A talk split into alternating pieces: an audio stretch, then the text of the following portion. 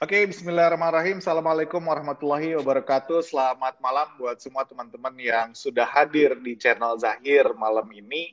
Hari ini kita datang lagi, hadir lagi dengan topik-topik dan pembicara yang luar biasa. Malam ini kita akan spesifik bicara mengenai inovasi. Inovasi harga mati. Kenapa penting? Nah, ini kita akan datang kedatangan pembicara Pak Dr. Indrawan Nugroho Eh, sekarang lebih sering kayaknya beberapa udah mulai kenal Pak Indrawan ini sebagai youtuber ya. ya nanti kita dengarkan ceritanya. Nah buat teman-teman yang malam ini menonton live nanti kalau punya pertanyaan, punya komentar silahkan masukkan di kolom uh, komentar. Saya akan bacakan pertanyaannya di sesi tanya jawab. Lalu sebelum kita mulai, saya mendoakan buat teman-teman semua uh, bisa bersabar di tengah ujian pandemi yang uh, lagi tinggi-tingginya. Dan kalau ada teman-teman yang sedang uh, positif COVID-19 atau ada keluarga atau ada teman, kita mendoakan mudah-mudahan bisa melewati uh, ujian pandemi ini. Setelah ini menjadi lebih sehat, lebih fit, Amin. kita semua optimis dan bisnis kita insya Allah bisa tumbuh meroket lagi setelah ini. Oke, okay, so tanpa berpanjang lebar, teman-teman semua nih yang yang DM hmm. dan uh, WhatsApp saya bahwa malam ini ada pembicaraan atau ada webinar dengan Pak Indrawan lumayan banyak nih. Ini bukti kalau Pak Indrawan memang udah jadi youtuber Pak. So silakan Pak Indrawan. Assalamualaikum. Waalaikumsalam warahmatullahi wabarakatuh. Ya, yes, selamat malam Pak Indrawan. Yes. Makasih banget undangannya nih Mas Muhammad nih. Uh, sering banget bisa ketemu dengan sahabat-sahabat semuanya di komunitas Zahir nih. Masya Allah ya. Saya manggilnya Pak Dokter Indrawan atau Pak Indrawan ini. ah, Indra aja lah. Juga, Indra aja. Gitu ya. kan, kan katanya youtuber tadi kan. Kalau youtuber nggak boleh formal. Eh, kalau, oh iya, kalau, kalau youtuber nggak boleh Nggak boleh formal, nanti rusak brand. Jadi sekarang rising star youtuber yang di kategori bisnis innovation itu nggak lain nggak bukan ini orangnya Pak Indrawan Nugroho. Assalamualaikum, selamat malam Pak Gimana kabarnya? Sehat? Gimana keluarga? Sehat, sehat, Mas Muhammad. Alhamdulillah sehat, sehat uh, keluarga. Semua. Uh, uh, ya itu Bagaimana perlu bisnis di tengah pandemi?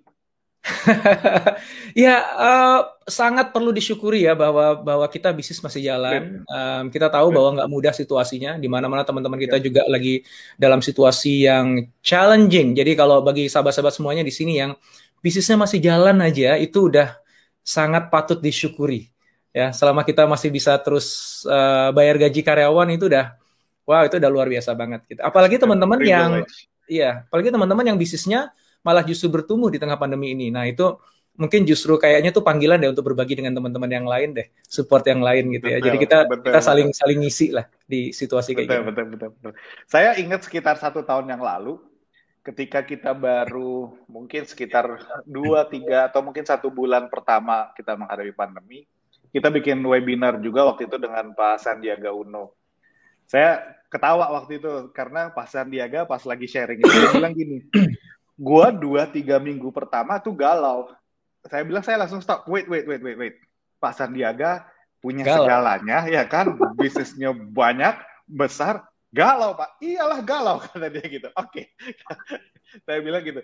Oke okay, terus gimana pak? Nah itu menarik karena sedahsyat itu apa namanya uh, perubahan yang dibawa oleh pandemi dan quote and quote sebenarnya kita ngelihat walaupun pandemi ini pasti tentu jadi challenge yang luar biasa buat banyak pengusaha tapi kita nggak bisa menutup mata bahwa pandemi ini membuka begitu banyak pintu yang sebelumnya nggak pernah terbuka ada begitu banyak bisnis yang tadinya kita nggak pernah dengar, lalu ternyata sekarang malah boom. Pandemi melahirkan begitu banyak influencer, youtuber, termasuk salah satunya Pak Indrawan di sini ya kan yang bisa memanfaatkan momentum. So, Pak Indrawan, ini kan kalau ngomongin inovasi sesuai dengan topik kita malam ini. Inovasi itu dilakukan dalam kondisi yang sangat sempit seperti ini itu sebenarnya susah-susah gampang apa gampang-gampang susah, Pak? Ini kan, sebenarnya kan ceritanya ya. semua udah kepepet nih kan, semua ya. berasa bahwa oke okay, ya kan, I have no choice, saya harus ngapain, tapi di banyak literasi literatur gitu kan tetap aja inovasi itu penting. Nah, gimana ya. Pak Indrawan?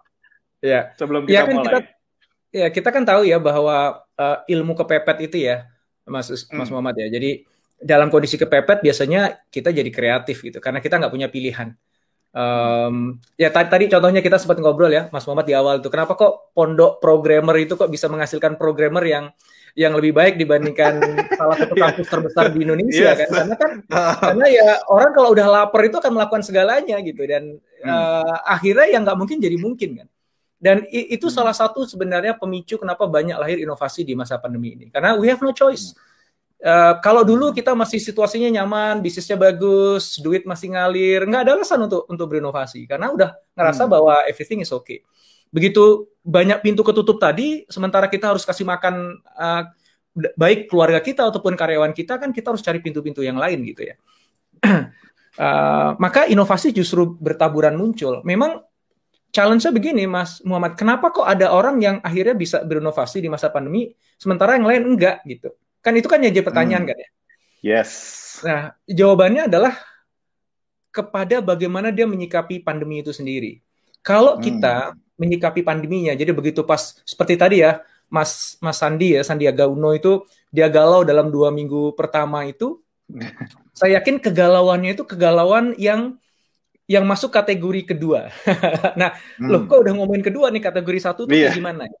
Kategori, kategori satu itu begini. Jadi jadi ada orang yang begitu masuk ke pandemi, terus ke hit gitu ya bisnisnya, semua aspek dalam kehidupannya ke hit, itu dia panik dan kemudian akhirnya berujung setelah cooling down, paniknya udah selesai, kemudian cooling down, dia mengendap ke dalam sebuah mindset yang namanya waiting mode, mode menunggu. Okay. Oh, oke, okay, ini ada pandemi nggak nyaman, tapi layaknya krisis, ini akan berlalu dalam waktu mungkin ya setahun paling lama nggak sampai dua tahun lah ya maka dia yeah. masuk ke waiting mode.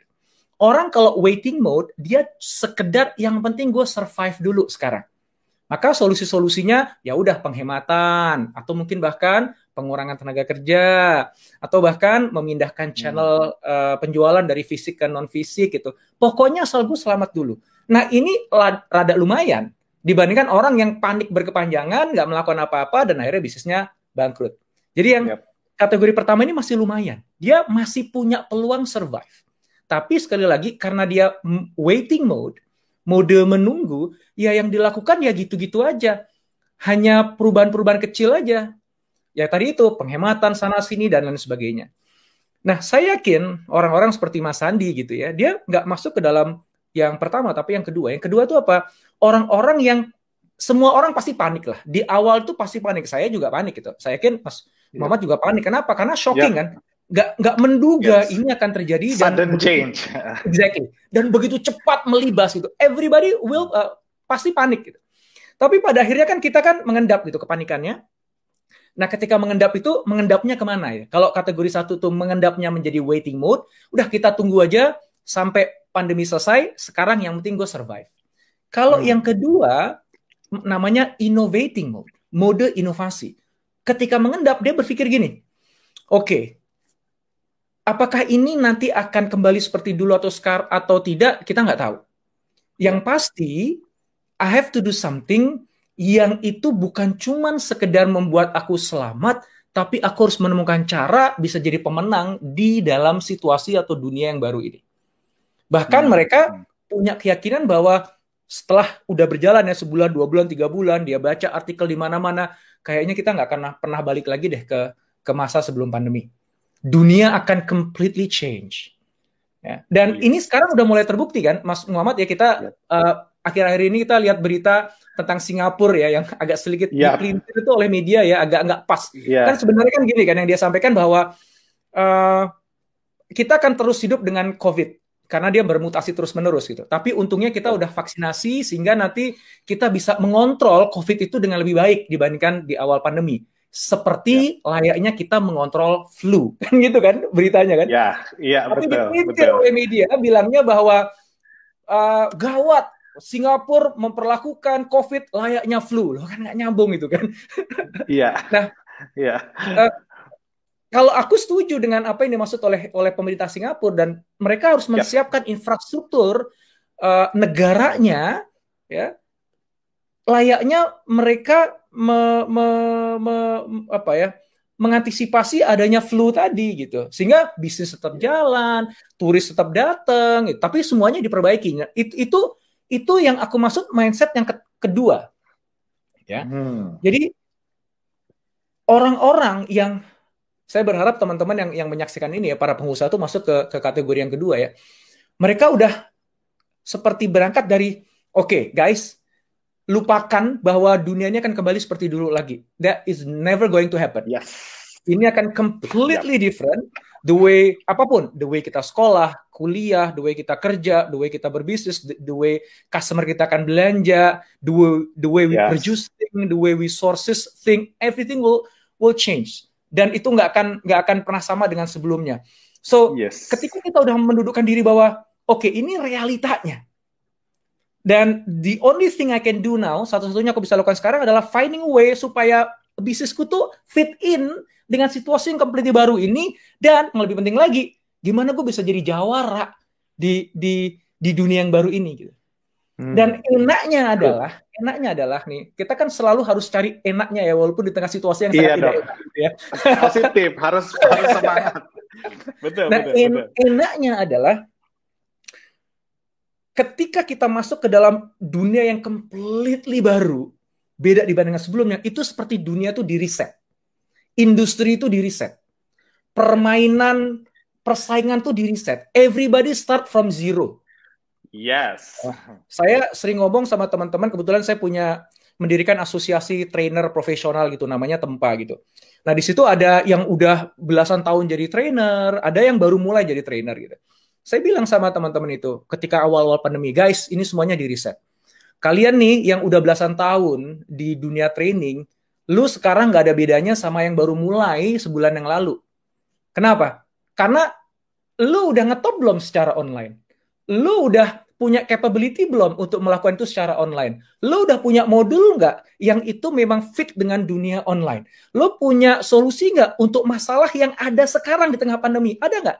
nggak ada nggak ada nggak ada nggak ada nggak ada semuanya Oke, karena sama semua kayak yang lain itu capability-nya dia tuh capability zaman dulu ketika masih offline modulnya dia dulu untuk menyelesaikan masalah sebelum pandemi betul ya uh, produk-produknya dia itu fit untuk dunia sebelum pandemi. Begitu masuk pandemi itu semua nggak berlaku semua itu. Gagap semuanya dia gitu.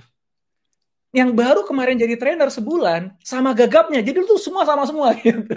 Jadi saya okay. bilang saya bilang guys lu nih yang baru mulai ini opportunity lu untuk ngalahin senior lu aku bilang.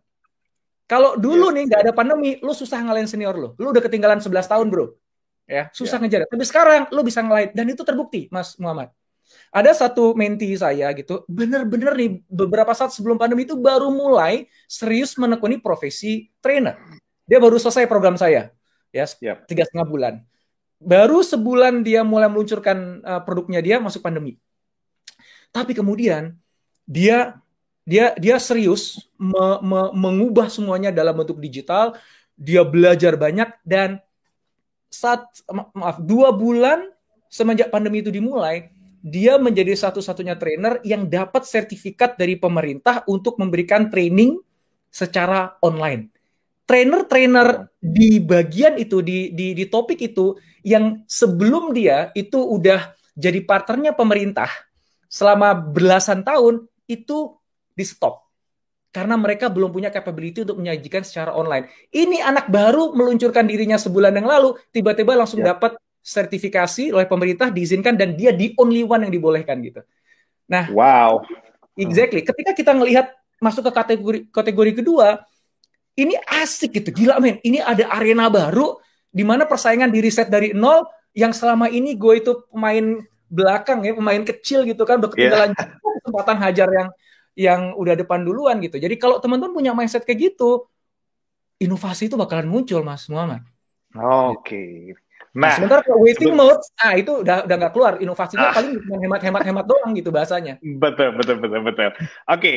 nah ini saya tahan dulu. Ini buat teman-teman yang udah nonton, ini rasanya kayak kita kayak udah di tengah-tengah ya. Padahal ini belum mulai. Ini diskusi kita belum mulai.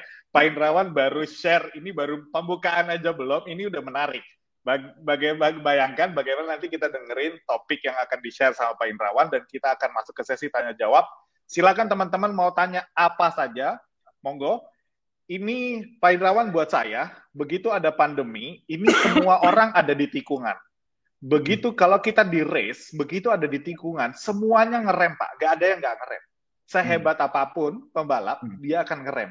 Tinggal sepinter-pinternya dia, ini adalah waktu yang tepat untuk nyalip. Nah, tadi ceritanya Pak Indrawan, itu ceritanya itu, nah gimana teman-teman pengusaha melihat ke pandemi ini adalah pandemi di mana ini adalah tikungan, di mana teman-teman harusnya bukan cuma ngerem, tapi ini saatnya juga bisa ambil strategi supaya bisa nyalip dan itu insya Allah bisa dilakukan dengan inovasi. Gimana cara melakukannya? Saya akan uh, minta Pak Indrawan mengambil layar saya untuk melakukan mulai okay. sharingnya. Nanti kita masuk ke tanya jawab. So Pak Indra, silahkan the screen is yours Pak. Thank you. Makasih Mas Muhammad. Uh, teman-teman yes. semuanya kayaknya nanti akan lebih seru kalau kita banyakkan ngobrol kali ya dibandingkan saya sharing sesuatu. Ini cuman sure. supa, ya supaya apa ya supaya ya saya datang masa saya nggak share sesuatu gitu aja ya.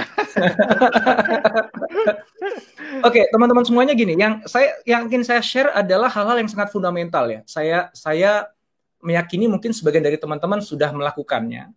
Um, namun mungkin kenapa kok saya tetap akan menyajikan ini karena mungkin dulu ketika melakukannya nggak tahu oh ternyata ada rumusnya toh gitu. Oh ternyata ada ada pakem-pakemnya toh gitu. Dan seperti tadi Mas Muhammad sampaikan kita semua di tikungan semuanya ngerem. Kita semuanya di reset saya bilang tadi. Dan ketika kita ada dalam tikungan tadi semua orang ngerem. Ketika kita ada dalam dunia yang sedang kita reset ini kesempatan kita mendefinisikan ulang bisnis kita. Ke memfine tuningkan bisnis kita. Kalau selama ini bisnis kita cuma menggelinding aja gitu ya. Dan it's fine karena lumayan duit datang tiba-tiba semuanya berhenti. Ini kan kesempatan kita di tikungan itu kan kalau bisa nyalip gitu kan, nikung orang gitu. Begitu di reset kalau bisa kita lari duluan gitu. Nah, gimana caranya kita bisa nikung tadi di tikungan ya? Uh, dan lari ketika yang lain sedang pause berhenti, tapi lari di track yang paling apa paling pas untuk kita, paling memberikan peluang terbesar untuk kita bisa sukses di masa yang datang. So di posisi mana pun bisnis teman-teman semua saat ini mau baru mulai di tengah atau bahkan udah mulai masuk ke growth atau bahkan mulai di scale it's a, sekarang itu momen yang paling bagus untuk kita me mengkaji kembali, mengurai kembali, menganalisa kembali dan melakukan fine tuning. Bahkan beberapa bisnis bukan hanya fine tuning, dia merombak total, melakukan creative destruction. Hmm. Sengaja dihancurkan bisnis lamanya, dia build something new. Kenapa? Karena momennya hmm. sekarang. Gitu. Mumpung yang lain tiarap, ya udah kita buat baru aja gitu ya karena kalau nanti yep. kita let's say setahun dari sekarang dua tahun dari sekarang ekonomi udah mulai pulih telat gitu yang lain udah lari duluan yes. nah anda kemarin ngapain aja gitu jadi jangan sampai nanti dua tahun dari sekarang uh, orang ada yang ngomong ke anda lu ngapain aja kemarin waktu pandemi lu yeah. jangan-jangan cuma tiarap doang lu jangan-jangan cuma sekedar pengen selamat doang ya Lah kita waktu pandemi kita udah berjibaku, kita darah-darah waktu pandemi. Tapi sekarang dua tahun kemudian kita penguasa di sini gitu. Nah lu ke mana aja kan jangan sampai nyesel gitu ya. Okay. Yes. So, uh, let me share my slide. Mas, kok aku tiba-tiba jadi nggak bisa nge-share slide-ku ya? Oke, okay, wait. Uh, Mungkin dari ini, Mas Asep, hmm. boleh dicek. Sebentar. Aku juga nggak bisa memute punya aku nih, jadi tombol-tombolnya kayaknya nggak aktif di saya. Oh, Oke. Okay.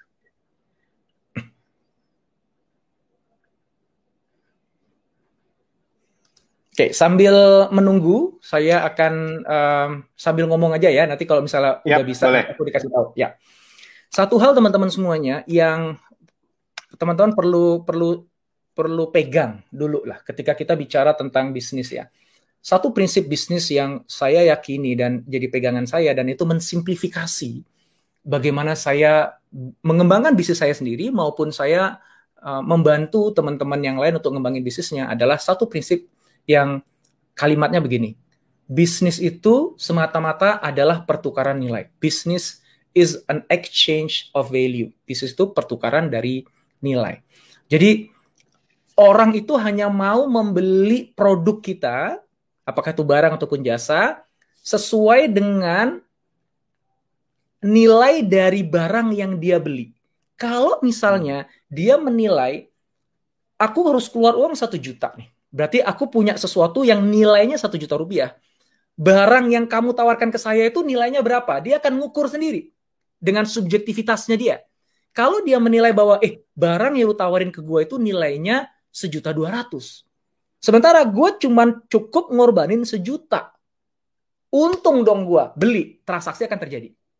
Hmm. Jadi ketika ada orang yang nggak beli produk kita, apa pun alasannya, mau dibilang mahal, mau dibilang apa pun juga, sehingga tidak terjadi transaksi bisnis, maka dengan begitu kita bisa langsung menyimpulkan bahwa bagi yang bersangkutan, value dari barang kita itu tidak sepadan dengan nilai uang yang harus dia bayarkan. Hmm. Gitu. Jadi dia kita ngasih harga satu juta, dia nggak beli. Oh berarti di matanya dia nilai produk kita kurang dari satu juta. Kalau nilai produk kita di atas satu juta, peluangnya dia akan beli. Ya. Yep. Oh, nilai barang kita berapa? Sejuta dua ratus di mata dia. Dia harus keluar uang satu juta. Ada kemungkinan dibeli. Kenapa saya bilang ada kemungkinan? Kalau misalnya kita bukan pemain tunggal, kalau ada tetangga kita juga jual barang yang sama, tapi barangnya itu lebih canggih gitu. Ya, sehingga di matanya dia value-nya bukan satu juta dua ratus tapi satu juta lima ratus maka dia akan beli ke orang itu hmm. atau okay. Mungkin value-nya sama sejuta dua ratus tapi dia ngasih harganya bukan satu juta sembilan ratus ribu dia akan beli kenapa karena hmm. margin value yang didapat dari si pembeli itu lebih besar gitu nah logic itu kalau seandainya itu yang kita pegang itu akan ngebantu kita untuk melihat secara simple kenapa kok bisnis kita nggak maju-maju ya? Kenapa kok yang beli itu sedikit ya? Kenapa kok uh, orang sekali beli nggak beli lagi gitu? Dan pertanyaan paling ujungnya adalah gimana caranya gue bisa ngegedein bisnis gue ini, nge-scale up bisnis gue ini. Semua kembali kepada value. So, it's a game of value. Ini adalah permainan nilai. Siapa yang mampu menghadirkan margin value, margin nilai yang paling besar bagi si customernya, dia akan memenangkan persaingan. Nah, margin nilai itu bisa didapat dengan ngurangin harga, ya, atau naikin value dari produk kita. Kan cuma dua itu. Yes. Nah, kan gitu. Nah, inovasi, inovasi itu bisa main di dua-duanya. Kita bisa berinovasi dengan cara cost leadership, dengan cara kita mengurangi biaya sehingga kita bisa menjual dengan harga semurah mungkin itu dilakukan oleh Amazon misalnya ya hmm. atau kita bisa main diferensiasi strateginya yaitu apa kita dongkrak value dari produk kita setinggi mungkin sehingga walaupun harga kita itu tinggi tapi margin value yang diterima oleh si customer tetap lebih tinggi dibandingkan kalau dia beli produk yang lain contohnya siapa Apple Produk Apple gitu ya, iPhone harganya udah lebih mahal dibandingkan motor. Gitu. Tapi orang mau beli aja. Kenapa? Karena value yang dia dapatkan dengan dia membeli iPhone, marginnya tetap lebih besar dibandingkan margin yang dia dapatkan kalau dia beli produk yang lain. Oke. Okay. Okay. Harganya berapa yes. misalnya? 21 juta handphonenya. Tapi yep. dia lihat ini bukan value yang gue dapetin dari iPhone ini bukan cuma 21 jutanya gue menilai ini 30 juta gue dapatnya value-nya. Kenapa? Karena it's not just the phone, it's not just the functionality, tapi citranya, gengsinya, dan lain sebagainya, perasaannya, itu 30 juta nilainya. Berarti kan gue dapat margin 9 juta tuh. Sementara gue bisa beli produk yang lain yang harganya let's say 50 juta, handphone yang lain 50 juta misalnya gitu ya. Level lain 50 juta. Tapi gue dapat value berapa? Gue dapat value-nya 20 juta. Wah kan lumayan dong ada margin juga kan, tapi margin marginnya cuma 5 juta, selisihnya itu. Dia dapat 20 juta, dikeluarin 15 juta, marginnya 5 juta. Sementara kalau pakai yang iPhone tadi, dia keluar lebih mahal 21 juta, tapi dia dapatnya 30 juta, marginnya kan 9 juta. Nah itu yang ngebuat kenapa orang akhirnya lebih membeli iPhone dibandingkan iPhone. produk yang lain, karena margin value-nya tinggi. So, teman-teman semuanya, ketika kita menyadari itu, maka semua hal yang kita lakukan dalam bisnis kita tuh sebenarnya dalam rangka ngedongkrak margin value tadi. Gitu. Ketika hmm. kita nggak laku bisnis kita, sementara tetangga kita laku keras, ini ada toko nih kanan kiri sebelahan, sama jual barang yang sama. Tapi kenapa dia laku, gue nggak laku? Berarti simpelnya gini, si tetangga gue itu, kompetitor gue itu bisa ngasih margin value lebih tinggi dibandingkan gue, udah pasti. Tinggal yes. pertanyaannya, apa yang ngebuat margin value-nya dia tuh lebih tinggi dibandingkan gue? Bisa jadi hmm. barangnya sama, komoditi ya dia sama-sama jualan iPhone gitu misalnya kan iPhone di mana-mana harganya relatif mungkin sama lah gitu ya kita asumsikan seperti itu tapi kenapa kok dia lebih milih beli dari dia dibandingkan ke gua pasti ada value yang lebih tinggi jadi jangan langsung wah ini pakai pakai apa pakai pakai dukun nih gitu ya. Atau sekarang lagi ngetop gitu ya. Wah ini orang nggak kelihatan nggak kelihatan pinter tapi kok kaya raya pakai babi ngepet gitu. Nggak percaya covid tapi percaya babi ngepet ya bahaya. Uh, iya gitu ya. Nah, itu jangan uh, itu udah dibuang lah. Itu itu karena market itu market itu akhirnya ujung-ujungnya pasti akan memilih siapa yang mampu memberikan margin nilai lebih tinggi ke gua kalau ada dua tiga orang yang nawarin ke gua barangnya sama ataupun barangnya berbeda, gue akan lihat tuh marginnya gitu. Jadi bukan harganya, tapi marginnya gitu. Maka kan wajar kenapa di masa COVID ini tetap aja barang mahal ada juga yang mau beli itu karena tetap aja marginnya lebih lebih tinggi dibandingkan uh, produk-produk yang lain. Nah, itu logik dasarnya sih teman-teman.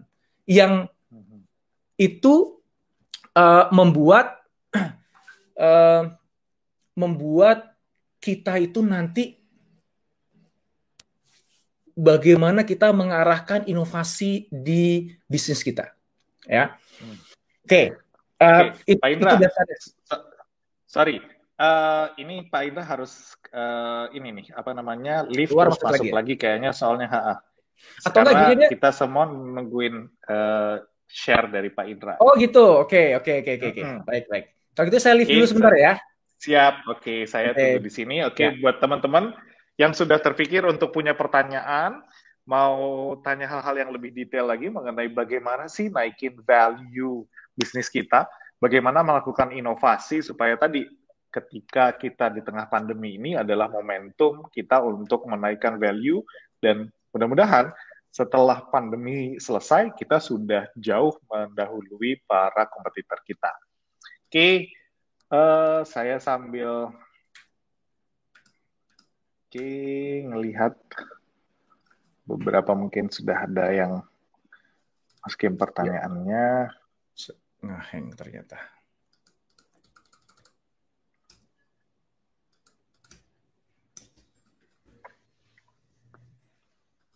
Oke, kita tunggu Pak Indra untuk join lagi.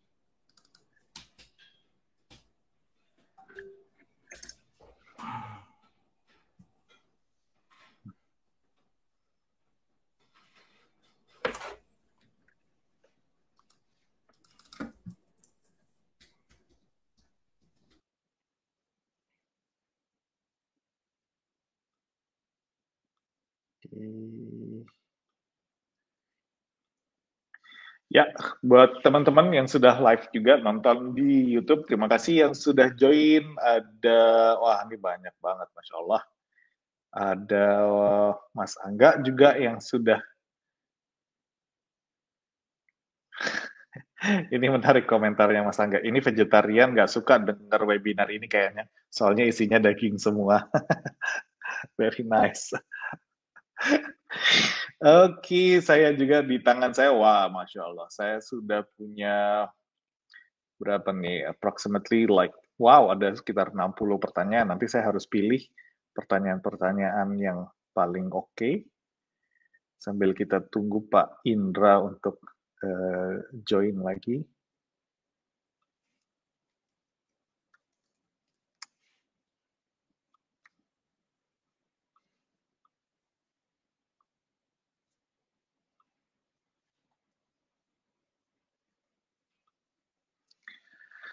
Hmm.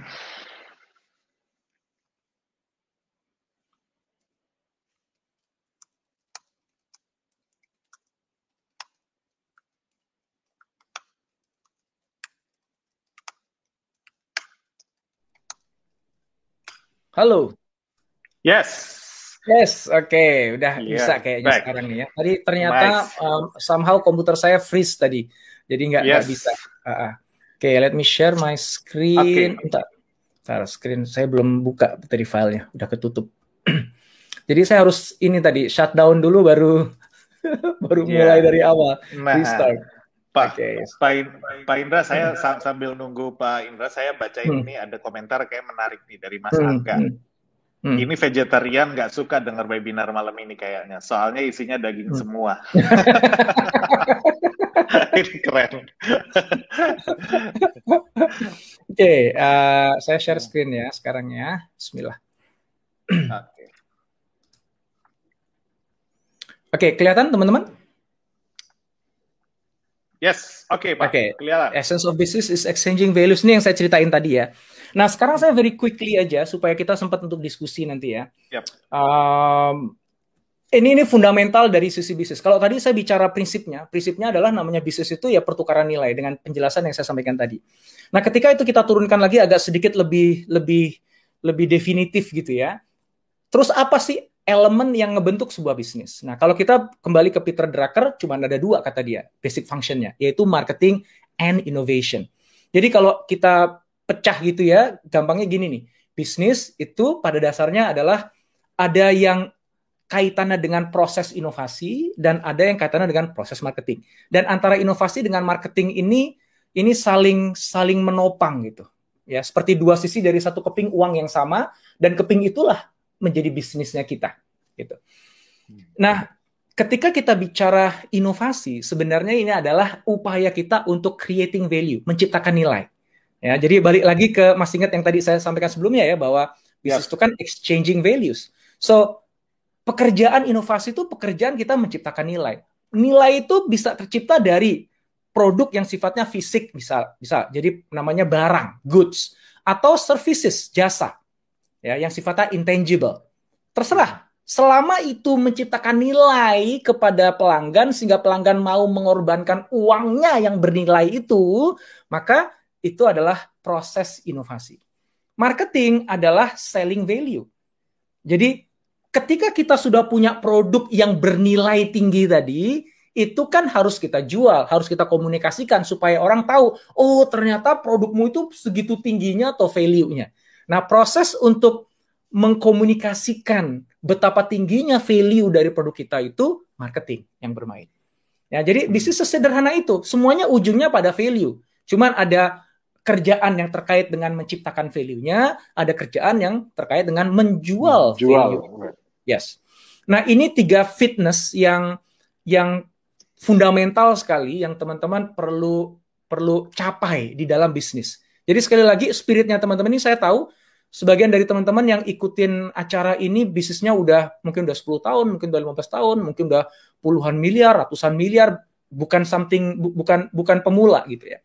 Namun sekali lagi karena dunia lagi di reset, kita lagi ada di tikungan, maka it's a good time untuk kita me, me, membedah lagi, sudahkah kita ada dalam track yang tepat? Bahkan bisa jadi karena kita menyadari bahwa dunia ke depan itu akan completely berbeda, maybe we really need to reassess our current business and maybe perhaps kita perlu mendestroy bisnis kita yang lama dan uh, membangun completely new business atau kalaupun nggak membangun completely new business mungkin fundamental dari bisnis yang ada sekarang itu harus ada yang di-adjust nih gitu dalam rangka supaya meletakkan bisnis kita pada rel track yang paling besar memberikan peluang untuk berhasil di dunia pasca COVID-19 ini atau dunia pandemi pasca pandemi ini gitu ya. Nah, ini tiga fitness dalam bisnis. Jadi sama kayak tubuh manusia harus fit, bisnis kita juga harus fit. Nah, ada tiga hal. Yang pertama adalah founder business fit, itu kaitannya dengan secara keseluruhan bisnisnya. Kemudian untuk inovasi ada problem solution fit, untuk marketing ada product market fit. Bagi teman-teman yang pengen tahu penjelasan yang lebih dalam tentang fitness ini, nanti boleh cek di YouTube channel saya, itu ada satu playlist namanya Business Hack 101 itu 20 video per videonya itu sekitar 15 sampai 18 menit. Jadi itu kalau dihitung kalau nggak salah totalnya itu 8 jam. Okay. Jadi seluruh workshop saya buatin videonya gratis sudah tonton deh. Jadi nggak nggak nggak bisa cari duit lagi kalau dari workshopnya itu karena memang niatnya pengen pengen bantu teman-teman semuanya. Ya. Oke, okay, so ini tiga fitnessnya. I'm going to go very quickly. Nanti teman-teman pasti banyak pertanyaan, silakan ajukan pertanyaannya ya. Kita mulai dari founder business fit. Pertanyaannya adalah gini, kenapa kok kita harus ke sini lagi gitu? Uh, kan gue udah punya bisnisnya gitu. Mungkin kalau baru mulai bisnis, gue lagi bingung nih, bagusnya gue bisnis apa ya? Ini cocok dong, founder business fit gitu. Jadi menemukan bisnis apa yang cocok banget sama gue. Kenapa ini penting? Karena kita tahu ya bisnis itu kan nggak mudah. Uh, lebih mudah kita kerja di satu perusahaan, tinggal ikutin aja apa yang disuruh, ada kompetensi tertentu yang tinggal kita pakai, selesai. Tapi kalau bisnis itu kan variabelnya banyak sekali, uncertainty-nya tinggi sekali. Kalau nggak pas banget dengan dengan diri kita, yaitu tepatnya tiga item ini nggak sesuai dengan passion kita, nggak sesuai dengan expertise-nya, nggak ada marketnya, ya bisnisnya nggak jalan kan gitu. Nah, yang jadi pertanyaan adalah kenapa kok kalau ini bisnis gue udah jalan 10 tahun, Dra? Gitu. Gue ini udah untung 20 miliar minimum itu per tahun itu udah minimum banget gitu. In the good year, I can get like 100 hmm. billion uh, rupiah gitu. Balik lagi teman-teman semuanya. Seringkali yang ngebuat bisnis itu akhirnya dia stagnan, dia nggak nggak bertumbuh gitu. It's not so much about marketnya nggak ada. Marketnya bisa ada, tapi bisa jadi passionnya dia nggak ada di di bisnis itu. Misalnya kebetulan bisnisnya nerusin dari bisnisnya orang tua atau uh, dulu bisnisnya kita kongsian sama teman kita bagus gitu ya, tapi kemudian kita pecah kongsi, kita yang lanjutin. Tapi sebenarnya gue gak punya passion di situ karena dulu itu sebenarnya passionnya dia.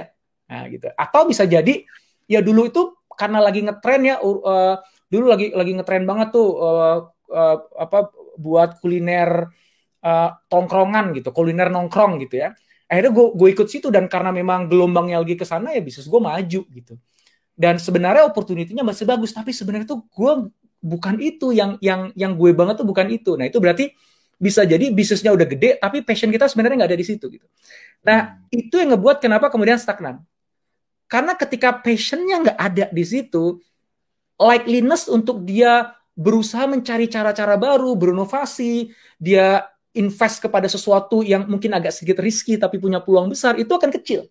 Dia akan cenderung untuk cari yang aman aja, yang pasti aja supaya bisa cukup dijalankan oleh anak buahnya. Dia akan jalanin passionnya dia yang lain. Bisnisnya dijadikan cuma tempat untuk dia dapetin duit aja. Waktu, pikiran, tenaganya dialoket untuk passion dia yang lain. gitu. Dan akhirnya bisnisnya jadi nggak maju gitu. Ya, nah jadi fitness yang pertama ini tetap teman-teman harus coba kaji lagi jujur ngomong pada diri sendiri bener nggak gue tiga ini ada dalam diri gue terkait dengan bisnis yang sekarang gue lagi jalanin. Do I have my passion in in this specific business? Do I have the expertise in this specific business? Terakhir yang agak eksternal kalau yang dua ini adalah dalam diri kita market ini berarti di luar diri kita. Apakah marketnya memang lagi lagi bagus lagi lagi lagi rising? Jangan sampai marketnya lagi sunset gitu ya atau uh, wah ini di pandemi begini kalau ini akan jalan terus kayaknya market itu makin sempit deh kalau urusan ini. Berarti marketnya itu lingkarannya makin mengecil gitu. So please assess tentang ini, habis itu decide whether oke, okay, gue udah ada di, di bisnis yang tepat dan gue akan all out sekarang gitu. Atau kalau misalnya kayaknya bukan deh, berarti mungkin mulai saatnya kita berpikir suksesi. Uh, uh, siapa orang yang bisa anda percaya untuk jalanin bisnis itu, kemudian anda mungkin starting a new business. Mumpung semuanya lagi start dari nol. Kemudian yang problem solution fit. Ini fitness yang kedua. Ini kaitannya dengan yang innovation tadi. So, supaya kita bisa create value yang tinggi bagi si pelanggan, kuncinya gimana? Kuncinya adalah produk kita, apa pun itu, mau barang atau jasa, harus bisa solving specific customer problem dengan sangat-sangat bagus. Ya. So, apa pun itu produk yang teman-teman jual itu pasti menyelesaikan masalah spesifik dari customer. Contohnya misalnya Anda kuliner.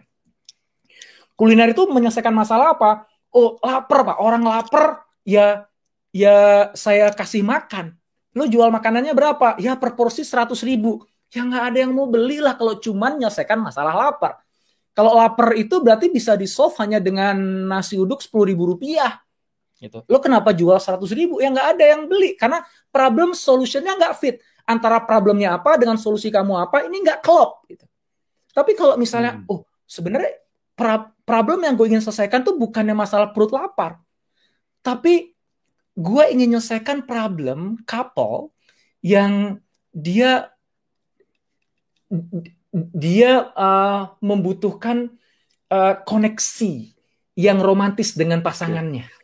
Ya, misalnya gitu. Hmm. Ya, uh, yeah. uh, itu yang gue pengen selesaikan. Jadi banyak couple sekarang tuh susah nyari tempat di mana dia bisa intimate moment dengan pasangannya, dengan istrinya, dengan suaminya yang membuat dia jadi inget masa-masa dulu awal-awal ketika lagi ta'aruf, ketika lagi uh, nikah tahun-tahun pertama gitu.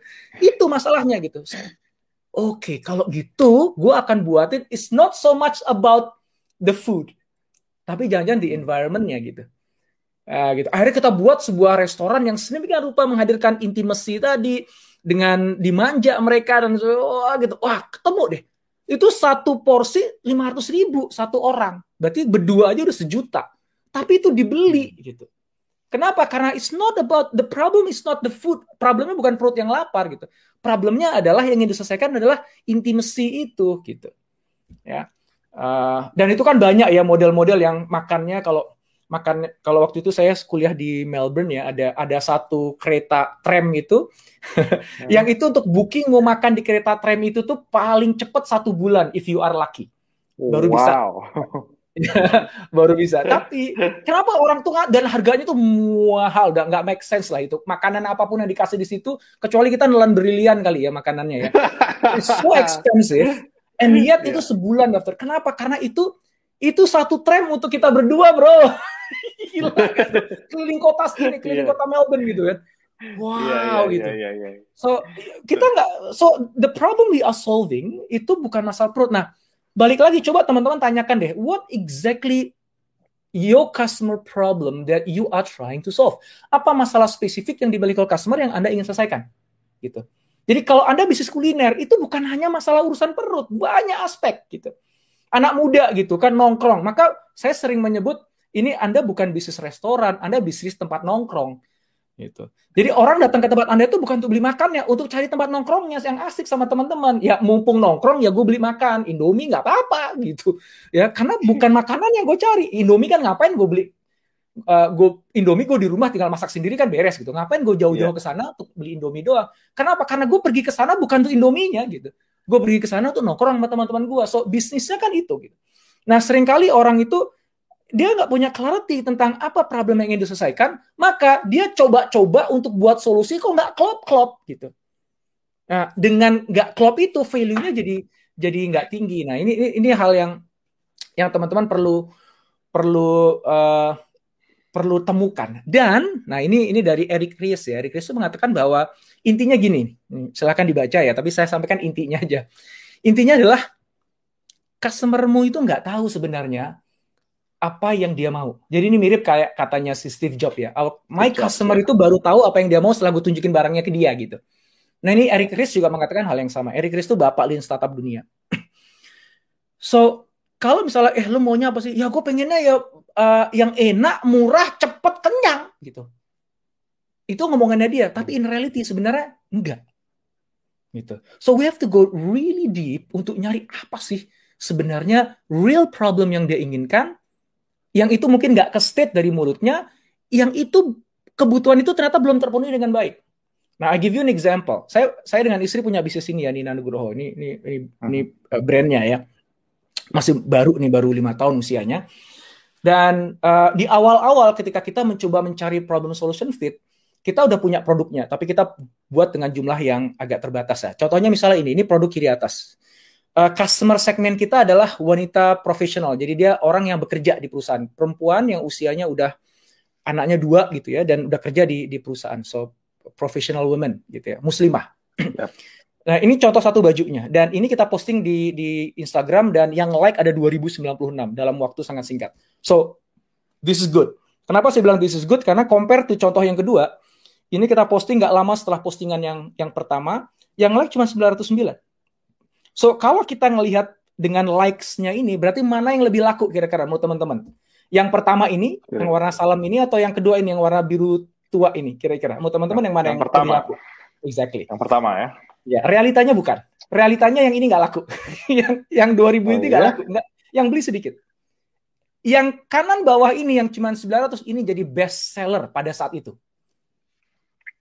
Wow. Langsung habis itu barang dalam waktu hitungan hari semua stok kita yang kanan ini. So the big question is why? Ya kan?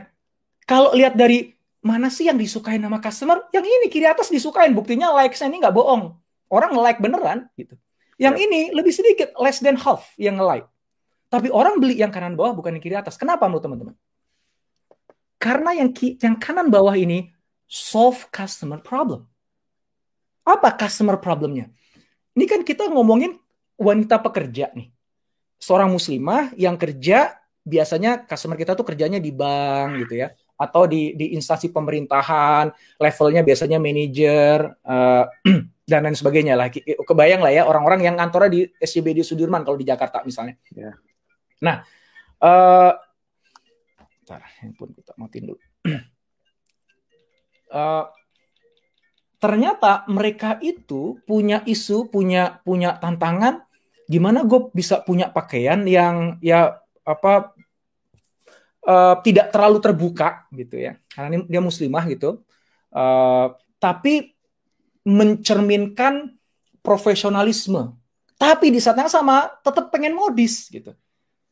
Oke berarti kalau kita lihat yang kanan ini relatif lebih memenuhi kebutuhan itu. Yang kedua kan gue mau ke kantor. Kira-kira warna yang gue pakai ke kantor itu beda nggak dengan warna yang gue pakai kalau gue lagi pengen jalan-jalan uh, sama teman gue arisan? Oh beda. Iya. Kalau kita pakai ke kantor karena posisi jabatanku di level manajerial perempuan, aku punya kepentingan harus menunjukkan otoriti. Kalau laki-laki pakai baju apa pun juga otoritinya udah ke bawah. Perempuan itu sering kali di tempat kerja harus melakukan ekstra supaya dipandang oleh koleganya yang laki-laki, supaya didengerin sama anak buahnya yang laki-laki yang lebih tua Gitu. So akhirnya warnanya warna yang harus lebih tegas, yang lebih maskulin.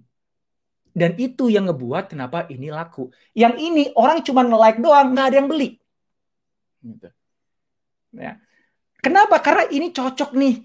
Tapi kalau untuk kerja kayaknya ini terlalu imut kali ya. Eh kayaknya agak terlalu ribet deh kalau ini banyak. Tapi ini lucu, ini bagus. Aku pengen, tapi nggak dibeli. Karena dia tidak solving the problem. Jadi beda antara ih lucu bagus dengan benar-benar dia ngeluarin uangnya. Ingat, ketika dia mau ngeluarin uangnya untuk membeli sesuatu, dia akan mengakses kira-kira gue dapat sesuatu yang sepadan nggak dengan uang gue. Hanya karena sesuatu itu lucu, belum tentu dibeli ketika yang dia dapat nggak sepadan dengan uang yang dia keluarkan. Nah ini contoh tentang problem solution fit. Jadi jangan langsung kita kayak memutuskan sesuatu gara-gara dia dibilang bagus lucu gitu percaya jangan sama omongannya, percaya jangan sama like-nya, percaya sama dompetnya gitu. Mana yang dia pakai untuk membeli produk kita. Itu berarti yang problem solution fit itu ada di situ gitu ya. Yeah. Jadi quote of the day ya, jangan percaya omongan orang, percaya dompetnya gitu ya. Oke, okay, ini ini ini contohnya ya. Ini ini ada problem solution fit. So what we have to do adalah ya kita nggak punya pilihan selain build dulu aja, tapi dengan jumlah terbatas. Kemudian apa? Ya kita launch ke market and see what happen kita measure, dari situ kita learn, kita jadi tahu, oh ternyata yang lebih disukain, yang lebih sesuai dengan problemnya itu yang ini gitu. Oke, okay, I give you another example. Ini ini aku buka ke teman-teman semuanya. Ini early design dari Nina Nugroho. It's like I think five years ago hmm. desainnya awalnya begini. Kita lagi eksperimentasi okay. di awal. Waktu itu abaya lagi naik daun gitu ya. Oh kita buatin kayak gini yeah. gini gini gini gini. Nggak laku ya oh kita buat begini yuk kita ubah modelnya. Pada kata jadi agak sedikit imut-imut lucu tapi jadi jadi gaun gaun untuk pesta. Nggak laku. Oh oke okay. kalau gitu kita buat casual yuk. Kita buat agak sedikit casual. Ya gini. Oh eh lumayan lumayan. Tapi tractionnya nggak terlalu kuat. Karena ternyata ini lebih cocok untuk anak muda. Anak muda kantongnya terbatas. Sementara bahan kita hmm. bahan bagus harganya agak tinggi. Oke okay. walaupun anak muda suka tapi nggak sesuai dengan kantongnya dia nggak dibeli nggak cocok Oke, yuk kita coba lagi dengan eksperimen yang lain yang agak sedikit nyentrik, lebih parah lagi, nggak laku lagi gitu ya. Oke, yuk kita sekarang mau arah ke kantor deh yang kantongnya tebal dan uh, itu juga marketnya masih masih bisa dimainkan. Oke, kita buat seperti ini, nggak laku juga. Kenapa kok nggak laku? Ya, kita belajar lagi gitu. Apa learningnya kita? Oh, ternyata dari sisi desain ini nggak terlalu jauh dengan kalau kita beli baju di eksekutif, di Zara, nggak harus beli ke kita. Brand mereka lebih kenal, kita nggak dikenal Oke, okay, berarti this is not this is ini belum menemukan problem solution fitnya. Oke, okay, yuk kita buat dengan eksperimentasi yang agak berbeda. Nah, ini agak lumayan nih tractionnya, tapi tetap aja nih untuk dengan market yang kita sasar itu ternyata nggak nggak nggak terlalu kuat nih. Apalagi yang harus diubah ya. Padahal ini kok dari sisi desain orang bilang lucu, tapi kok nggak beli juga. Eksperimentasi yang lain, model begini, kasih warna yang super super gelap kayak gini oke okay, udah lumayan ada tractionnya tapi tetap aja nggak sekuat yang kita inginkan. Kenapa? Oh mungkin ini agak nggak terlalu cocok kali ya untuk orang yang kerjanya di bank orang kerjanya di pemerintahan karena kita nyasar mereka. Oke okay, kita coba dengan seperti ini. Nah ini udah lumayan. Terus nih kita coba sampai terakhir ini mas. Ini hmm. eksperimentasi kita yang ini sudah proven valid di market bahwa market akhirnya mau beli.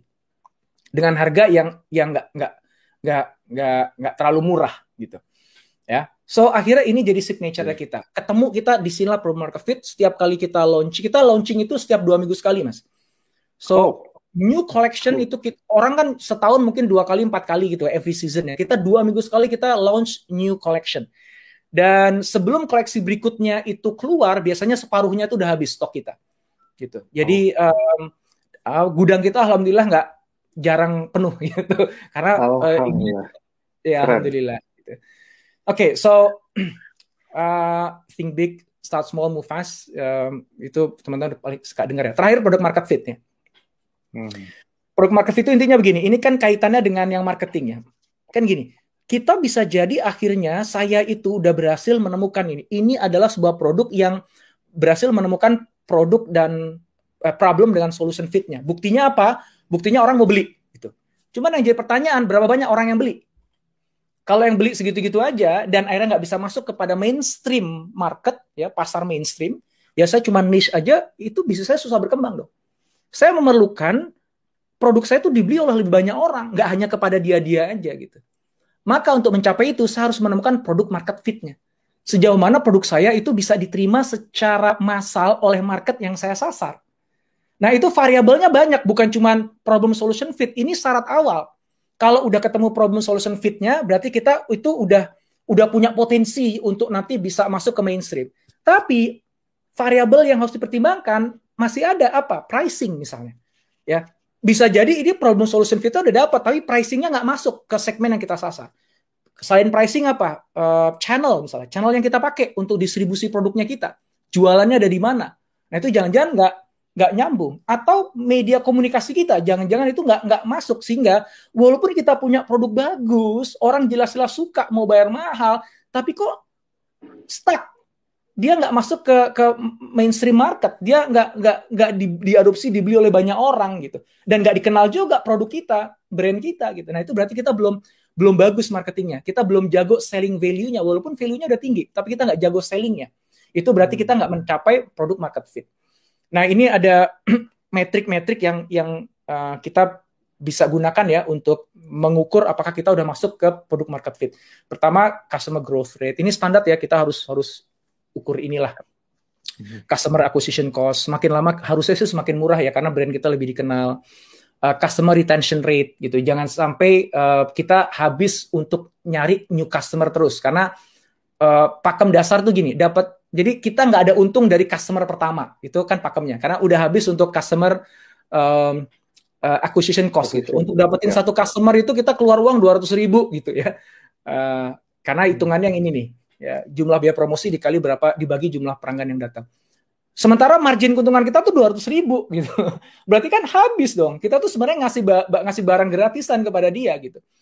Nah maka profit kita itu sebenarnya hanya kita dapat dari uh, repeating uh, atau uh, returning customer atau dari repeat purchase gitu. Jadi ini penting banget ya uh, retention rate ini untuk kita kita ukur. Kemudian juga lifetime values. Kalau bisa gimana caranya orang tuh beli lagi beli lagi beli lagi karena keuntungan kita dari situ. Saya selalu ngomong sama teman-teman saya gini, uh, gue nggak berharap kita dapat margin keuntungan dari new customer. Gitu. Jadi feel free untuk you spend money to get new customer, but hmm. make sure that that specific customer balik lagi dan beli lagi karena untung kita ada di situ. Dan kita beruntung di kita itu uh, hampir 80% itu uh, returning customers di kita. Oh. Itu menunjukkan oh. bahwa produk kita bagus. Ya, dan udah masuk ke produk market fit-nya. Yep. Nah, cuman habis itu saya jewer orang orang salesnya itu Mas Muhammad. Kenapa tuh? Uh. Itu kan bagus kan ya? Wih, hebat yeah. nih 80% uh, yang beli itu adalah returning customer. Itu kan hebat ya. Tapi saya jangan yeah. orang sales ya. Kenapa, Mas? Sales apa uh, customer growth-nya nggak nambah. iya, customer juga. barunya nggak ada. Exactly. Karena returning customer itu prestasi orang produk. Yeah. Prestasi dari inovasinya. Jadi kalau itu saya akan appreciate desainernya, saya appreciate tim produksi saya appreciate karena kamu produknya begitu bagus sehingga orang akhirnya beli lagi, beli lagi, beli lagi. Tapi kamu orang sales, ya kamu nggak berhasil berhasil dapetin new customer berarti lu nggak kerja iya. nah ini ini ini hal-hal yang yang uh, uh, fundamental bagi saya bahkan ketika bisnis sudah gede pun ini tetap selalu menjadi pegangan gitu uh, Mas Muhammad nih kalau saya lanjutkan oh. nanti nggak selesai-selesai ini padahal udah jam 9 wah keren oke okay. Oke, okay, Pak Indra, luar biasa. Uh, apa namanya? Walaupun ini fundamental, tapi uh, basic, tapi ini mengingatkan kita lagi akan hal-hal yang mungkin basic tapi sering kali kita uh, lupa ya. Nah, dari pemaparan tadi beberapa uh, yang Pak Indra sampaikan, kita udah lihat nih ada beberapa pertanyaan yang uh, menarik. Mungkin sebelum uh, saya masuk ke YouTube, saya akan baca beberapa pertanyaan dari uh, list yang uh, daftar untuk ikutan ya. Uh, saya akan pilih pertanyaan. Nah, ini menarik nih Pak. Ini relate nih. Uh, namanya dari pertanyaan Ibu Siti, bisnisnya fashion, mungkin sama tadi ya dengan uh, yang Pak Indra share. Pertanyaannya gini Pak, apakah inovasi harus berpatokan pada hasil survei lapangan atau agar inovasi dapat mendisrupsi pasar, kita harus menggunakan imajinasi kita saja. Nah, hmm, ini gimana hmm. nih Pak? Ya. ya, Uh, Gimana Pak melakukan inovasi yang yang tadi ya bisa mendisrupsi pasar, tapi sementara tadi dari Eric Chris kan uh, toh sering kali customer kita tidak tahu persis apa yang dia inginkan, yeah. seperti yang Steve yeah. Jobs bilang. Yeah. Ya. Uh, nah ini biasanya nih menarik nih Pak. Ini apakah ini imajinasi atau gimana nih uh, melakukan yeah. inovasi? Starting pointnya di mana? Ya, uh, survei nggak terlalu membantu. Survei itu hanya sekedar untuk kita dapetin gambaran umum tentang situasi market. Tapi survei tidak membantu kita untuk mengetahui unmet needs, kebutuhan yang itu benar-benar ada dan belum terpuaskan. Itu nggak ketahuan dari survei. Contohnya yang tadi saya contohin tadi, ya ini ada dua produk semuanya ditaruh di dalam media sosial. Yang ini like-nya lebih banyak ini like-nya kurang dari separuhnya. Yang laku malah yang di bawah bukan yang di atas. Nah kalau berdasarkan survei itu kan sebenarnya kan yang like-nya lebih banyak dong harusnya kan? Tapi kan yeah. enggak realitanya. Kenapa? Karena survei itu surface banget permukaan sekali. Survei itu cukup bagus untuk sekedar kita tahu secara umum petanya beginilah gitu.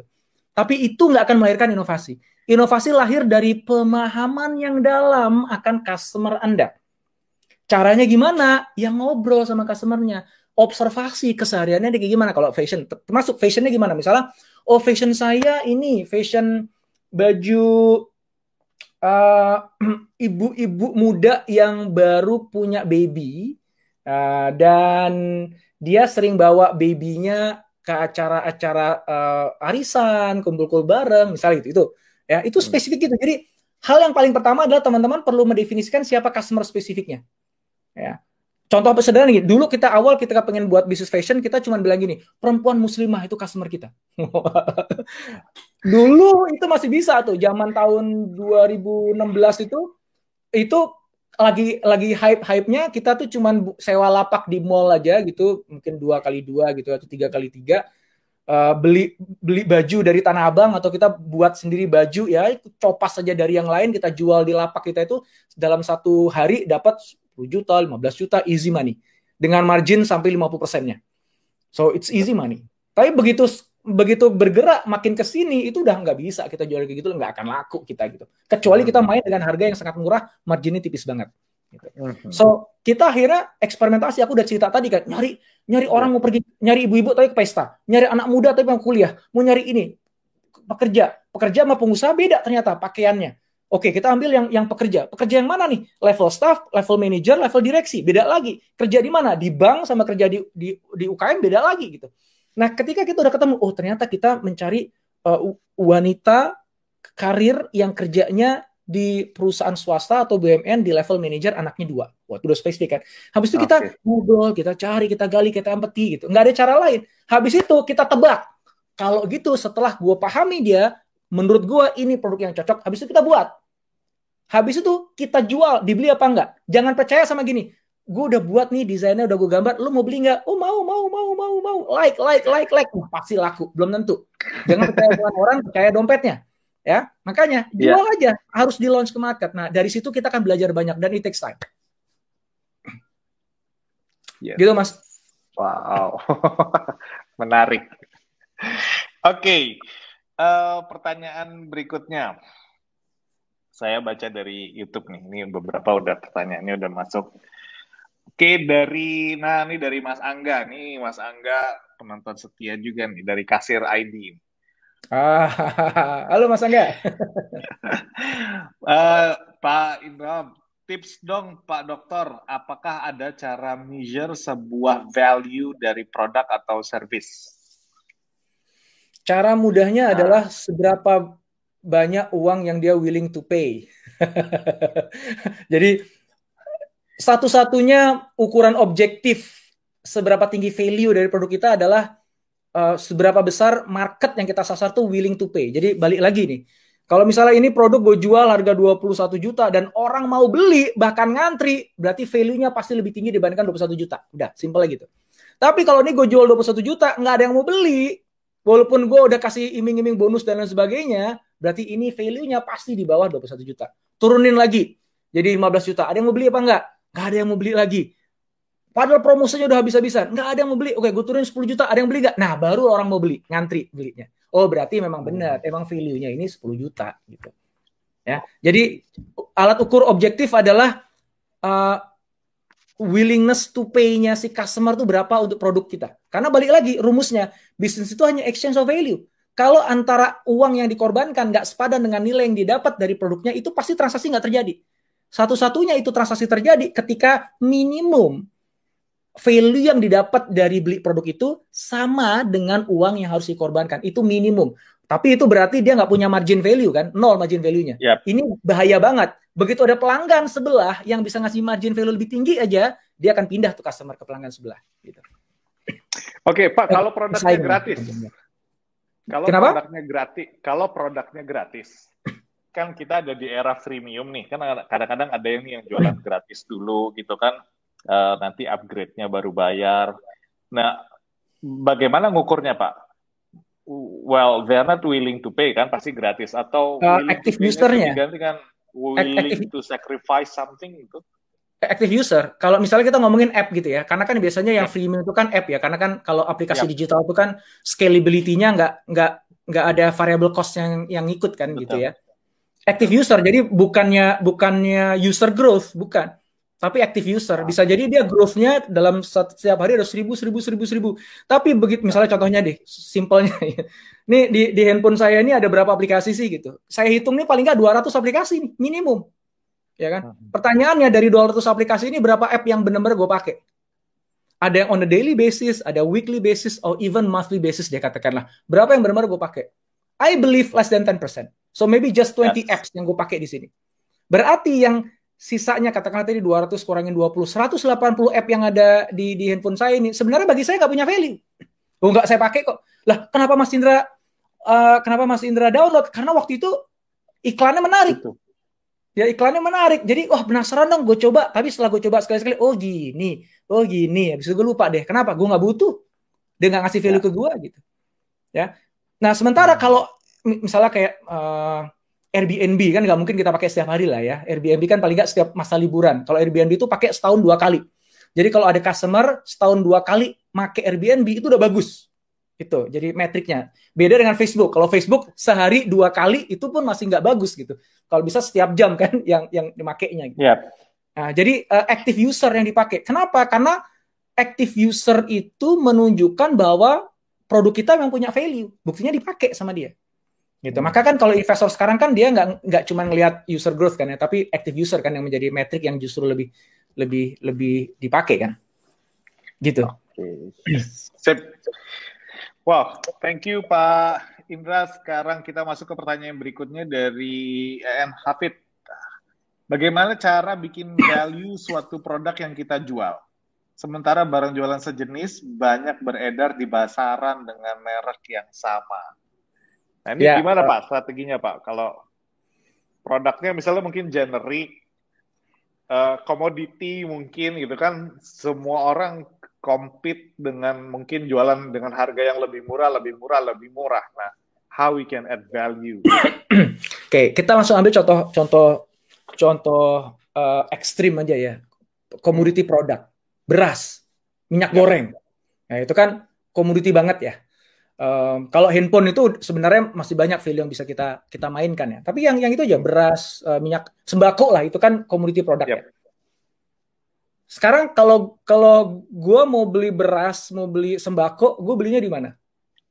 Sekarang saya belinya semuanya online dan online itu macam-macam. Ada sayur box, ada oh macam-macam tukang sayur kan yep. macam-macam itu sekarang ya. Uh, yep. Dan I'm I'm really uh, apalagi kalau udah bicara pandemi nih ya, balik lagi pandemi itu membuka hmm. banyak banyak peluang sebenarnya gitu ya. Yep. Akhirnya saya salah satu nih satu nggak nyebut merek ya, yang saya pakai sekarang jadi saya udah hampir nggak nggak pernah belanja. Dulu saya tuh ya mungkin dua minggu sekali masih belanja belanja. Sekarang udah nggak pernah belanja ke mana-mana ya. Dan itu udah automate sekarang saya automate. Jadi ada ada ada orang ada perusahaan ya aplikasi yang yang ngejualin produk-produk yang itu benar-benar fresh. Yang itu uh, apa apa apa namanya?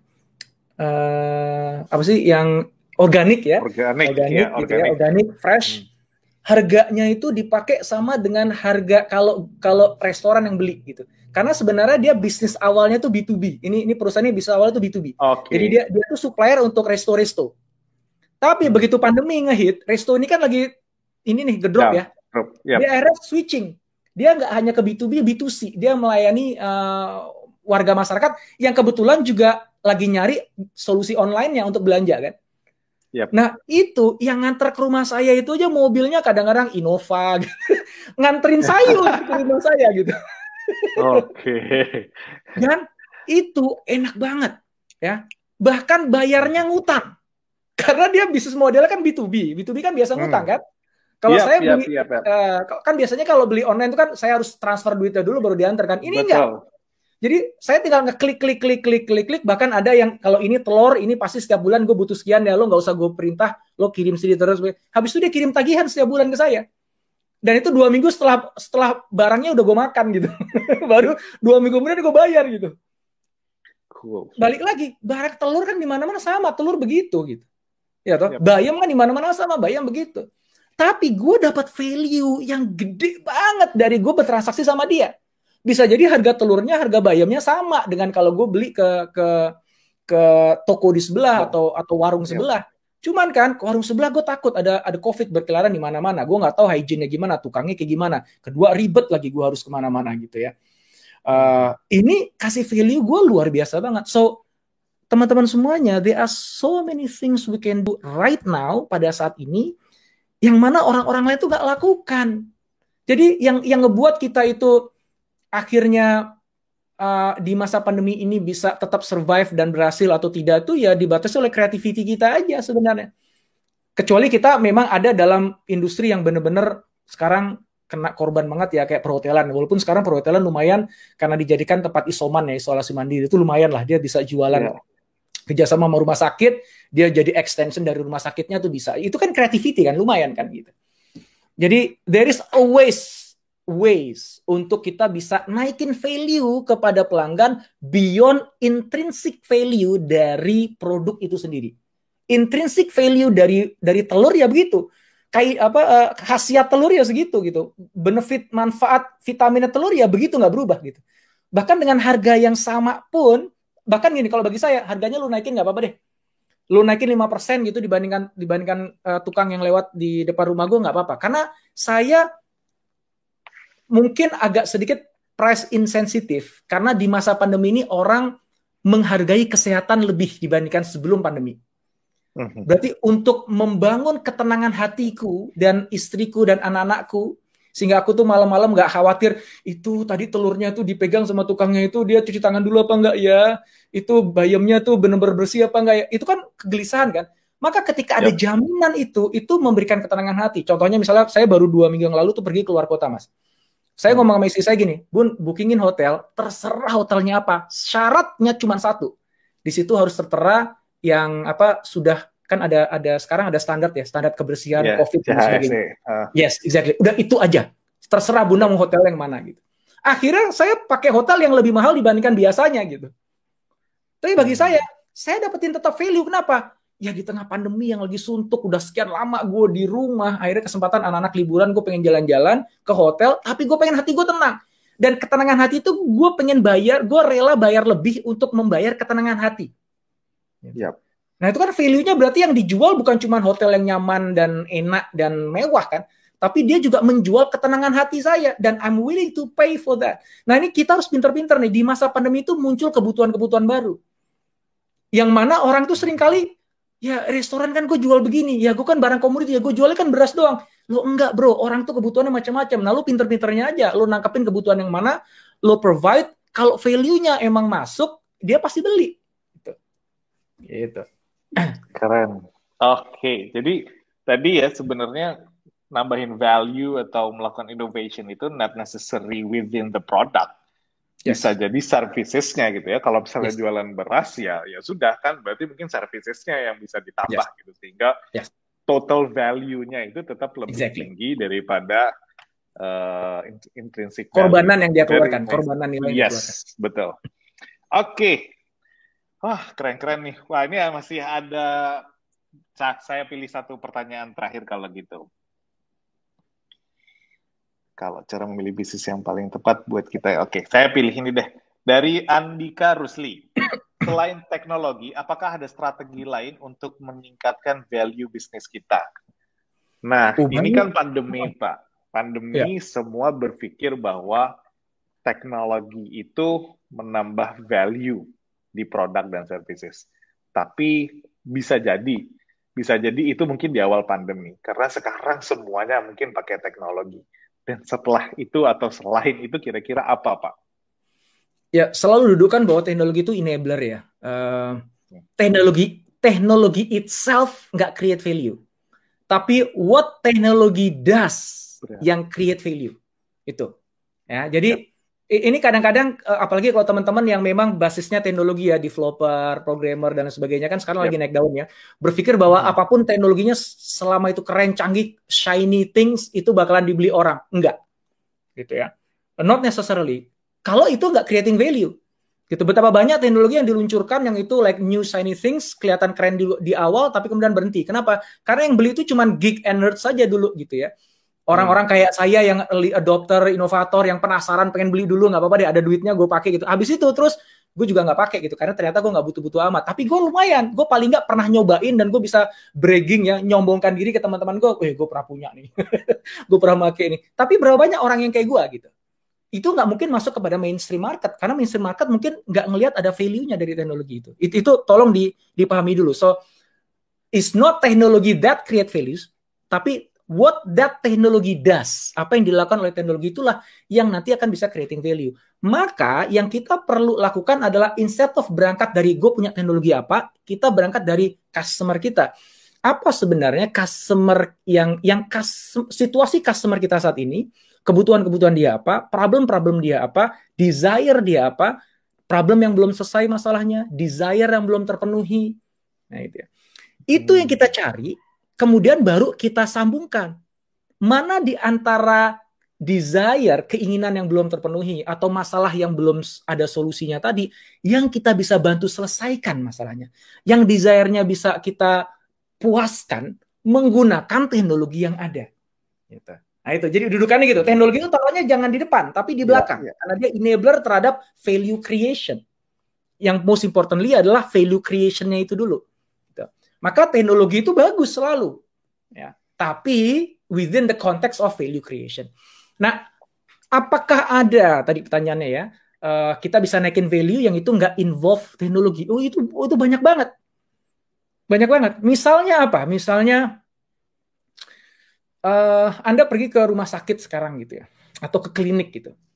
Kan sekarang kan orang takut ya pergi ke rumah sakit atau ke klinik gitu. Iya. Yeah. Ya. Ternyata hanya dengan uh, ketika kita sampai ke pintu depan rumah sakitnya gitu terus kita disambut oleh orang yang dengan uh, pakaian rapi dengan APD yang bagus kemudian mulai disampaikan oke okay, Bu ini kita nanti sini ini rumah sakit kita nih udah kita susun gini yang memang potensi ada virus tuh ada di sini di sini. Nanti Ibu kita pandu ke sini ya nanti ada kawan saya di belakang sana yang akan mandu Ibu untuk kebutuhan Ibu. Jadi dia nggak perlu masuk rumah sakit untuk bisa tahu aku harus pergi ke mana. Kan biasanya kan kita ke rumah sakit dulu, ngambil tiket dulu, nunggu dulu, habis itu baru dipanggil ke ke bagian mbak-mbaknya di sana, baru ditanyakan ibu sakitnya apa, mau ke dokter apa, habis itu nunggu lagi, gitu kan. Terus beli obatnya kan juga oke okay, uh, eh, nunggu lagi. Berarti kan gue ada dalam rumah sakit itu kan lama banget kan. Nah gue simplify ya, nggak usah pakai app, nggak usah pakai apa. Setiap kali orang yang datang semuanya itu udah kita siapin di depan secara manual aja gitu dengan pelayanan yang ramah dengan senyuman yang manis itu ngebuat eh kok aku tentrem ya kalau ke rumah sakit ini ya gitu kok dia tuh bener-bener mendahulukan kepentingan kita ya so services ya uh, itu nggak nggak nggak berhubungan sama sama teknologi Uh, contoh yang lain lagi, inovasi menggunakan community. Teman-teman gini, aku sarankan untuk menjawab pertanyaan itu baca bukunya Ten Types of Innovation. Mana ya? Aku ada di sini nggak? Uh, Types of Innovation. Jadi ada ada 10 tipe inovasi yang bisa dimainkan. Itu mayoritas dari 10 tipe inovasi itu nggak ada hubungan sama teknologi. Okay. Ya. Salah satunya adalah community. Kayak Harley Davidson itu, inovasi yang dipakai itu kan ada inovasi mesinnya ada. Oke. Okay. Tapi the biggest innovation dari Harley Davidson itu bukan pada mesinnya. Karena mesinnya Harley Davidson itu panas. Gitu. Yep. Ya. Panas nggak nggak nyaman gitu. Bahkan teman saya tuh uh, Pak Bi ya, Pak Bi Subiakto Pakar Branding itu cerita, dia kan hmm. punya Harley dia ya. Dia bilang gini, Mas, tahu nggak kalau saya touring nih sama teman saya naik Harley Davidson itu, itu kan panas, Mas itu kan dikit-dikit kita berhenti itu, dikit-dikit berhenti itu. Itu bukan karena kita berhenti pengen nongkrong-nongkrong. Kenapa? Karena itu kita nggak tahan itu. Bakso kita tuh udah panas mas, harus kita tenangkan dulu. Jadi itu saja kita turun tuh supaya ngadem dulu gitu. Jadi bisa gerak-gerakin dulu. Kalau nggak tuh bisa gosong itu sampai sampai ke yeah. ke lokasi katanya. so secara teknologi ya ini debatable lah ya, ini debatable ya. Tapi banyak teknologi motor gede di luar sana yang memang lebih advance daripada Harley Davidson. Tapi tetap aja orang beli HD Harley Davidson. Kenapa? Karena dia ngebangun inovasinya pada komunitasnya. Bagaimana dia bangun komunitasnya, bagaimana dia ngebangun brandingnya, ngebangun ngebangun narasi yang diangkat. Itu semuanya inovasi yang nggak ada hubungan sama teknologi. Dan itu yang justru paling mahal di Harley Davidson, not the technology. Gitu. Jadi kalau Harley Davidson mau dijual, investor itu ngitung equity yang paling besar itu dari brandnya, bukan dari teknologinya gitu. Itu kurang yes. gambaran. Wow, mind blowing. Pak Indrawan Nugroho malam ini sharingnya luar biasa. Tadi untuk pertanyaan terakhir uh, sharing uh, dari Pak Indra tadi sarannya untuk coba baca uh, 10 Types of Innovation. Itu ya Pak bukunya. Uh, jadi not necessarily related to technology ya, nggak selalu kan, nggak selalu ada teknologi, ada begitu banyak area, ada ada mungkin bisnis model, bisa jadi innovation di customer engagement dan seterusnya. Oke, okay, uh, eh, Pak Indra, terima kasih banyak. Nggak terasa ya Pak, udah 2121 nih jamnya. Tadi kita rencananya satu jam, tapi udah, udah jam hampir setengah sepuluh. Pak iya. Indra, uh, sebelum kita tutup, terima kasih banyak. Tadi uh, saya juga nggak bisa bacain pertanyaannya satu persatu, karena kalau saya bacain satu persatu bisa-bisa sampai besok kita nggak selesai. Nih. Banyak banget pertanyaannya. Nah, Pak Indra, Uh, mungkin boleh kasih closing statement buat teman-teman yang uh, bisnisnya sedang di challenge di, di tengah pandemi. Tapi saya berkeyakinan bahwa pandemi ini membuka begitu banyak pintu yang sebelumnya bahkan kita nggak pernah tahu. Jadi pintu-pintu itu pasti ada. Nah, lalu apa saran Pak Indra untuk para pengusaha, para teman-teman di level di C level yang menjalankan bisnis yang karena COVID challenge-nya luar biasa and mereka sedang mencari jalan dan inovasi saya yakin menjadi salah satu kunci. Apa uh, closing statement dan saran Pak Indra untuk teman-teman yang malam ini nonton video kita? Ya, uh, apalagi ini ketika tadi dia disampaikan ya bahwa ini saran untuk teman-teman di C level ya. Berarti teman-teman adalah yes. decision maker dan top leaders yang menggerakkan eh, perusahaan. Um, selalu di setiap krisis itu semuanya kembali kepada top leadersnya. Jadi jangan berharap um, teman-teman yang di bawah tuh bisa menemukan jalannya sendiri ya. Tentu aja kita berharap seperti itu ya. Tapi yes. likeliness to happen-nya adalah ketika yang ada di atas yang memimpin. Memimpin itu tidak harus tahu segalanya di depan. Seringkali kita tuh terbebani dengan, tapi kan kita aku kan ini kan uncertain, ini kan nggak jelas gitu. Aku nggak bisa memimpin karena aku sendiri nggak bisa ngelihat lorongnya dan cahaya di ujung lorong ini pun juga nggak kelihatan gitu. Dan akhirnya hmm. si leader itu cenderung untuk daripada gue salah menuntun mereka ke tempat yang salah, ya udah deh kita wait and see aja dulu gitu. Nah mereka yang wait and see ini justru yang akan kelibas nantinya. Uh, karena hmm. gini, lebih baik kita coba lakukan sesuatu di masa pandemi ternyata salah dibandingkan kita nggak melakukan apa pun. Nah logik dasarnya kan gini, mendingan nggak lakukan apa pun mas, karena kalau salah itu kan ada ruginya, ya rugi tenaga, rugi waktu dan rugi uang, karena lu salah kan. Mendingan kita ya. nggak melakukan apa-apa. Ya as usual aja, nggak rugi kan kita. Itu salah total. Kalau Anda melakukan sesuatu di masa pandemi yang baru, yang itu belum pasti, tapi itu aja nggak ngasal ya. Anda sudah rencanakan gini-gini dengan analisa macam-macam, tapi tetap aja belum tentu berhasil juga karena kan uncertain. Kita nggak tahu yang benar yang yang salah yang mana. Tapi dengan semua educated guess kita tadi, dengan planning kita tadi kita jalankan dan ternyata itu salah. Anda dapat value yang sangat besar yang nggak didapat oleh mereka yang tidak melakukan apa-apa. Apa itu? Hmm. Learning. Learning. Dan itu yang paling mahal di masa pandemi ini. Kenapa? Karena sekarang tuh nggak ada textbooknya. Dunia kalau sebelum pandemi Anda mau tahu nih gimana sih cara sukses di dunia kuliner gitu ya? Itu udah ada textbooknya. Benchmark aja. Udah ada. Sekarang nggak ada textbooknya. Kenapa? Karena baru kali ini kita menghadapi situasi kayak gini. Belum sempat ada orang buatin teorinya. Belum ada case study-nya. Belum ada success story-nya. Lu mau gue benchmark ke mana? Kagak ada. So ketika kita nyoba melakukan sesuatu dan ternyata tuh fail kita dapetin learning yang nggak didapat oleh orang yang diam-diam aja. Oh, ternyata kalau cara gitu nggak oke. Okay. Oke, okay. satu kegagalan sudah, coba lagi yang lain. Mungkin kita harus checklist sampai beberapa kegagalan sampai akhirnya berhasil, ya. And that's fine, berarti learning kita banyak. Tapi at least perusahaan kita bergerak maju. Dan yang paling penting adalah anak buah Anda, tim Anda tahu bahwa leadernya nggak diem leadernya berusaha, bekerja, mencari cara. Dan leadernya cukup humble untuk mengakui bahwa I do not know, but we have to do something. Ya. Dan yuk kita pikirin sama-sama, kita diskusi sama-sama, dan nanti kita buat keputusannya dan kita maju. Pak, kalau gagal gimana? Gak apa-apa. Yang penting kita belajar dari situ dan kita coba lagi cara yang lain itu akan ngebangun sebuah energi yang luar biasa besar di tim Anda. Dibandingkan tim Anda itu krik krik krik krik, ini kondisi ya. udah begini kok dari atas kok diam-diam aja ya. Kita kayak seolah-olah nggak nggak terjadi apa-apa, bisnis usual, usual aja padahal kita tahu bisnis kita udah makin turun. Krik krik krik, lost trust, lost integrity, uh, karismanya akan ngedrop dan itu tinggal tunggu waktu aja. So, di masa krisis salah langkah itu wajar. Namanya juga lagi gelap gulita gitu. Tapi tidak ya. melakukan apa-apa itu memalukan gitu. Jadi oh, uh, saya ajak teman-teman semuanya untuk eksperimentasi tentu aja educated guess ya. Jadi pakai tebakannya ya. harus educated ada dasarnya gitu.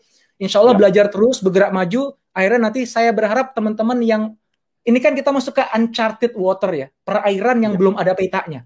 Nah kita ya. butuh para para pelayar-pelayar yang mau membuat peta itu. Dan siapa pun yang pertama kali ngebuat peta itu, dia akan menguasai samudra.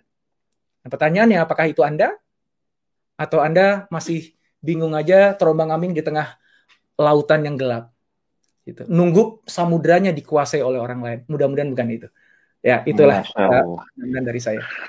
Wow, very fruitful Pak Indra. Terima kasih banyak so buat teman-teman uh, para decision makers, para pengusaha, mungkin ini waktunya dari paparan Pak Indra adalah kita harus berani, lebih berani take risk, ya uh, resiko yang sudah kita perhitungkan, tapi harus berani diambil itu lebih baik ketimbang kita tidak berani mengambil resiko dan diam saja. Oke. Pak Indra, terima kasih banyak sudah berbagi malam ini buat teman-teman pengusaha. Insya Allah ilmunya uh, bermanfaat. Mudah-mudahan kita bisa ketemu lagi di sesi-sesi yang lain ini adalah uh, webinar Zahir adalah bagian dari komitmen Zahir untuk terus membantu teman-teman pengusaha, bisnis untuk bisa naik kelas. Saya selalu bilang kalau ditanya Zahir itu adalah company apa, well actually we are a company on a mission to help you to grow. So that's the point. So we just happen to be an accounting software at, at the beginning. And today we are not only a technology company, kita adalah perusahaan yang kita yakin dan ingin terus membantu teman-teman tumbuh dan salah satu DNA-nya adalah dengan berbagi knowledge seperti ini. So, insya Allah kita akan terus hadir dengan webinar-webinar lain dan pembicara-pembicara lain dengan topik-topik yang nggak kalah menarik dengan topik kita malam ini.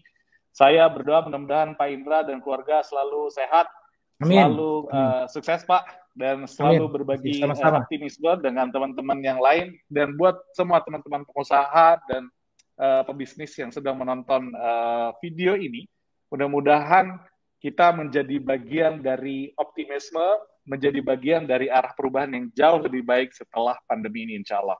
Oke, terima kasih banyak Pak Indra.